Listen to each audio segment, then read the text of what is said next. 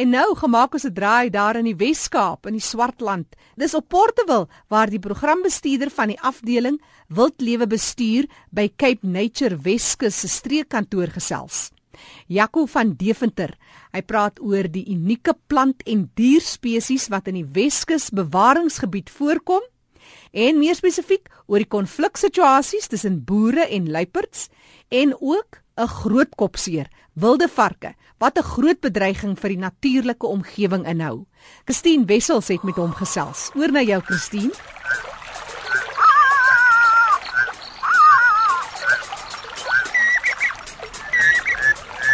Jackie, jy is die programbestuurder Wilde Lewe Bestuur hierso by Cape Nature se Weskus streekkantore in Porterville. As ek praat van Weskus streekkantore, as mense dink aan Weskus, dan dink hulle aan die see, Langebaan en al die kusdorpies Veldrif. Porterville, hoe werk die streke? Christine Porterville is 'n streekkantoor wat soos jy nou net sopas gesê het, um, ons noem onsself die Weskus streekkantoor. Maar dit sluit ook die Weskus in. So dis deel van ons bestuursgebied en uh, dit strek min of meer van van Kuiberg, ehm um, suid teen die Weskus op tot teen die Noord-Kaap grens. So ons dek die hele Weskus gedeelte. So ons gebied strek min of meer soos ek gesê het van Kuiberg teen die kus op tot teen die teen die Noord-Kaap grens. Dan volg die Noord-Kaap grens tot by Matjiesfontein teen die N1 en dan daarvan af die N1 terug tot net buitekant Woester oor die berg en dan terug Kuiberg toe. So dis 'n redelike groot area wat ons dek. Christine, ons is bevoorreg om om in hierdie bestuursgebied 'n hele aantal verskillende plantegroei tipes te hê wat dit baie uniek maak. So ons het van hierdie regte Ceres Karoo uh gebiede, ons het 'n bietjie van die groter Karoo. Ons het die kern van ons fynbosgebiede sit hierso waar ons ook twee wildernisgebiede het wat ons bestuur. En as jy nou hier rondom Porto wil kyk en, en veral hierdie tyd van die jaar in die somer is dit maar 'n kaal val area, maar dit raak dan groen ook hier in die winter, maar ons het ons het selfs in hierdie klein oorblywende gedeeltetjies renosterbosveld het ons unieke plante groei en ook diere spesies wat hier voorkom. So dis 'n baie spesiale gebied. Die luiperd kom ook in hierdie omgewing voor. Die eerste ding wat ek gesien het toe ek instap by jou kantoor, is daar 'n opgestopte luiperd. Baie hartseer storie 'n luiperd wat jy probeer red het. Maar waar daar luiperds aanwesig is, is daar gewoonlik boere wat nie te gelukkig is nie.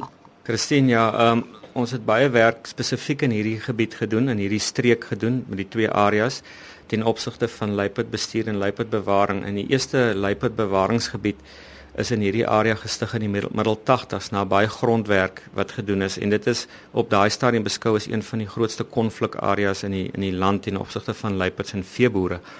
En uh, ons het 'n groot suksesverhaal rondom die Cederberge waar ek destyds die eerste bewaringsgebied gebegin het. Waar daar soveel permitte uitgereik was om hierdie diere van kant te maak as gevolg van die konflik het ons die situasie heeltemal omgedraai dat daar amper nie meer 'n konfliksituasie is en dat die grondeienaars betrokke geraak het in privaat bewaringsinisiatiewe soos bewaarareas en waar hulle ons hand sterk vandag om hierdie diere te beskerm en dat ons hopelik hulle getalle aan die toeneem is en en dat hulle ook sal uitwyk na hulle historiese verspreidingsgebiede. Nou die die Cederberg ehm um, is is is spesiaal in die opsig dat Dr. Quentin Martins van die Cape Leopard Trust hulle het basies voortgebou op die werk wat ons daar gedoen het en hulle het 'n reuse navorsingsprojek in daai area en uh ook verder in die in die Weskaap brei hulle van hierdie van hierdie navorsing uit en ons kry baie baie waardevolle data van hulle terug wat dit vir ons as bestuurders baie help om om hierdie diere regtig op die beste moontlike manier te te bestuur. So ja, ehm um, daar is ongelukkig konflik in sekere areas nog, maar ons bestuur die konflik en ons bestuur ook die diere in so 'n mate dat daar nie nodig is om om regtig van hulle van kant te maak. So dit is dis baie verblydend. 'n Ander dier wat konflik veroorsaak in hierdie omgewing is die wilde vark. Vertel vir ons waar kom hierdie dier vandaan? Baie interessante storie. Ons het nou nie nou nie in die Wes-Kaap nie, maar in Suid-Afrika het ons vlakvarke wat wat inheems is in Suid-Afrika, maar hulle is nie inheems in die Wes-Kaap nie. Ja, is klein populasies wat ingebring is in van wildplase af ontsnap het en begin versprei wat vir ons kommerwekkend is. En dan het ons die inheemse bosvarke wat meer in die suidkusgebiede rondom in en rondom ons inheemse woude voorkom. En uh ehm um, dit is natuurlike uh, diere wat natuurlik hier voorkom in 'n natuurlike verspreidingsgebied. Hulle veroorsaak ook 'n bietjie konflik, die bosvarke, want hulle het ook nou begin om om landbouprodukte skade aan te rig. Hulle vang volstruiskuikens, daai tipe van goed, maar ons bestuur dit. Ons grootste probleem is die uitheemse wilde varke wat in ons areas voorkom. Nou hierdie diere is nie net 'n Weskaap probleem nie, dis 'n wêreldwye probleem. En ons sit in Amerika, Australië en Nieu-Seeland met miljoene van hierdie diere sorg hulle ook miljarde rande se skade aan in die landboubedryf en ook baie baie groot skade aan die natuurlike omgewing. Nou ons het die in hierdie Weskus area wat ons nou van praat praat het ons hoofsaaklik twee populasies en uh, ek wil graag vir jou die agtergrond van hulle gee. Die eerste populasie kom voor teen die Bergrivier, min of meer Veldrif, Hopefield, Aurora omgewing. En hulle is so oud soos wat die eerste settlers ingekom het. So in in, in die ou mense het het skoffelvarke gehad. Hulle het hulle nie in hokke gehou nie. En hierdie diere het ontsnap en in die omgewing van Kersefontein teen die Bergrivier daarvan af begine versprei en ons sit met 'n redelike groot populasie van ek sal sê duisende van hulle in daai omgewing met, met die Bergrivier as middelpunt. Die ander populasie het 'n interessante geskiedenis en uh die die vroeë departement van bosbou het destyds gewone makvarke in van hulle plantasies toegespan om die papies van die dennemotte wat die dennebome aangeval het uit te skoffel uit die dennenaalde uit. En uh ehm um, daar is nog nie 'n draad regtig dink ek ontwikkel wat 'n vark binnehou nie of ontwerp nie. So hulle het ontsnap. En toe het hulle ook 'n populasietjie, 'n kleinerige populasietjie van hierdie regte Europese willevark of soos ons ken die Asterix se wild boar ingebring. Hulle het hulle is geskenk deur 'n dieretuin en en hulle is ook in hierdie plantasies gelos en hulle het natuurlik ook dadelik wild geraak. Nou die twee kon inteel met mekaar geneties is dit versoenbaar. So ons het nou uh, ons noem hulle willevarke, maar dit is eintlik 'n mengsel van Europese willevark en ons gewone makvarke. Die populasie kom voor in Tulbagh, Woolsley uh, waar daar baie plantasies was waar hulle gevestig is en hulle het versprei in die berge af by Voelvlei dam verby. Ons het ook 'n natuurse daar reservaat daar Voelvlei natuurreservaat wat baie uniek is uh, waar ons die suurpotjie skilpad wat kritiek bedreig is uh, beskerm en hulle het 'n groot impak op hierdie skilpaaie en hulle het daarvan af afversprei in die berg tot in die Wellington omgewing. En dan sou ook 'n klein populasie in Franshoek. En dan het ons ook verdere klein populasies in die Karoo en ook teen die suidkus waar waar hierdie willevarke ehm um, oral besig is om te versprei. Nou die sosiale struktuur van hierdie varke is baie interessant. As hulle onverstoord is, as mense hulle nie inmeng met hulle in hulle begin jag en hierdie tipe van goed, die teel hulle aan tot uh, met 500% per jaar. So ehm um, hulle word beskou as een van die mees aggressiewe indringerspesies in die wêreld. En uh, hulle kry gemiddeld 6 tot 7 kleintjies per sog, maar sy kan 2 tot 3 broeisels grootmaak as die omstandighede reg is in die jaar. So jy kan self dink hoe vinnig daai diere kan aanteel. Hulle is stropdiere. Die beere loop apart, die die manlike diere en uh, die die som met die kleintjies vorm dan 'n sogtroppe. En dan sou ook 'n alfa sog of 'n dominante sog wat soos ons amper met olifante het met die matriarg. Hierdie sog reguleer die die, die sogtrop. Sy besluit waar hulle gaan kwaad doen vanaand waar hulle gaan wy wat hulle aksies vir die dag gaan wees of vir die nag gaan wees. Hulle het nou hoofsaaklik naglewend geraak. En uh, hulle grootte wissel van 50 60 kg tot oor die 200 kg hierdie diere is omnivore so jy kan nou vir jouself dink as hulle in 'n natuurlike omgewing ingaan um, wat se skade hulle ander gaan ons bolplante aan ons klein soogdiere reptiele hierdie tipe van goed In die wintermaande um, bly hulle dikwels in die veld en dan dan skoffel hulle aardwurms uit, bolplante en daai tipe van goed, so dis groot ekologiese skade. Vir te kyk na die skade wat hierdie diere dus aan 'n omgewing kan aanrig, soos jy nou genoem het, hulle is massief. Varke wat ons weet ook intelligente diere en dit klink vir my asof hulle al hoe intelligenter geword het. Jy het genoem dat dit onder andere vir suurpotjies ook 'n gevaar inhou. Ja, die die suurpotjie skilpad is absoluut endemies aan ons renosterbosveld en veral die klammer renosterbosveld. So ons het 'n redelike populasie van hierdie hierdie bedreigde suurpotjie skilpaaie in die in die Voelvlei Natuurreservaat en ook aangrensend aan Elandsberg Natuurreservaat wat ook 'n kontraktuele natuurreservaat met Cape Nature gesluit het. Nou, ehm um, wat die varke basies doen, hulle hulle eet hierdie skilpaaie se eiers, dolwe hulle uit en hierdie skilpaaie lê nie vreeslik baie eiers nie en hulle vreet die kleintjies op dan verder maak hulle rolgate in die wintermaande en as die skilpaaie in daai gate val versuip hulle en in die somer as hulle dan val met hierdie hitte van ons brand hulle dood. So dis regtig 'n diep gate van baie keer 'n half meter diep en 'n meter lank. En uh, dan verder die habitat waar hierdie suurpotjie skilpad in voorkom is is is hierdie klammer in ons bosveld met al hierdie uh, rykdom van bolplante. Hulle skoffel en dolwe daai area in so 'n mate om dat die habitat heeltemal vernietig word. Ons klein soogdiere, baie van ons klein bokkies soos ons grysbok, duiker, steek hulle hulle kleintjies weg vir die eerste ehm um, 2-3 weke voordat hulle saam met die die ma sou begin stap en hulle hulle hulle vang ook daai jong diere en in vreet hulle op.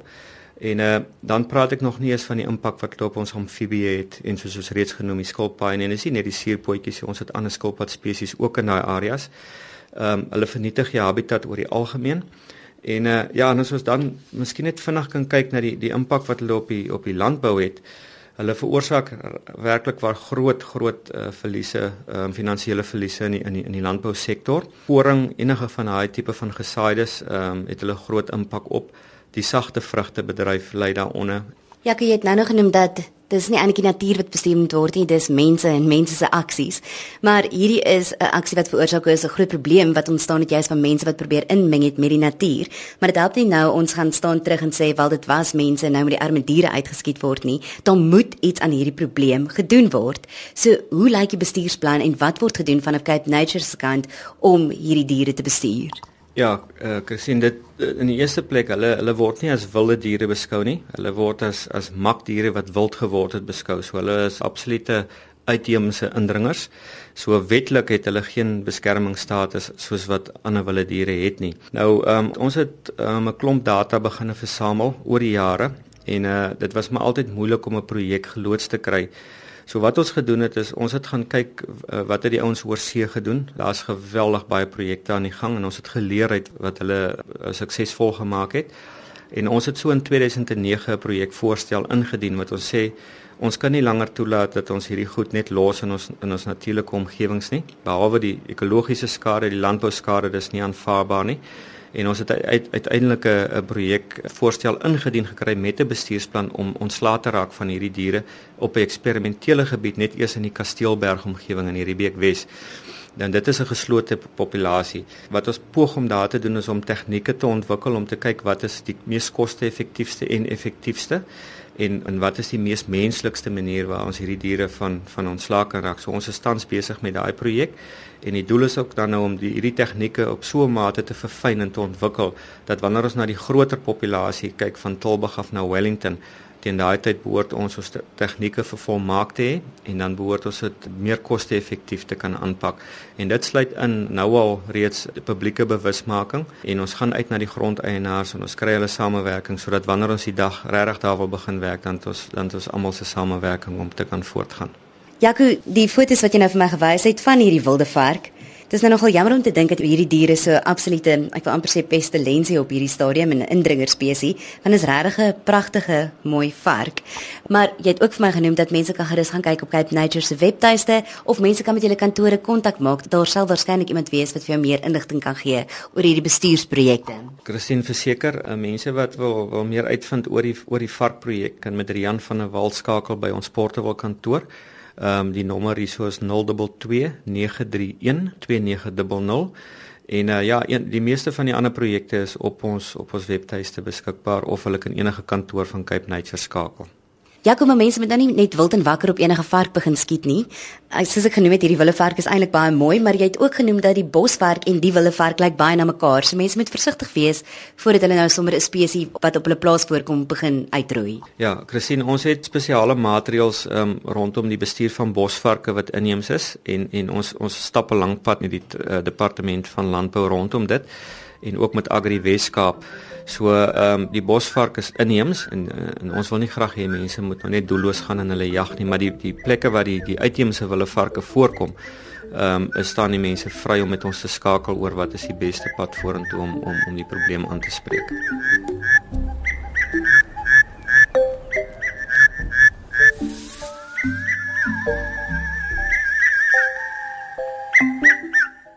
Jaco van Deventer, programbestuurder van die afdeling Wildlewe Bestuur by Cape Nature Weskus streekkantoor in Portewil wat gesels het oor hierdie knellende kwessie van wilde varke wat 'n groot bedreiging inhou vir die natuurlike omgewing. Christine Wessels het met hom gesels. Net weer daai kontakbesonderhede, onthou jy kan 'n draai maak op hulle webtuiste.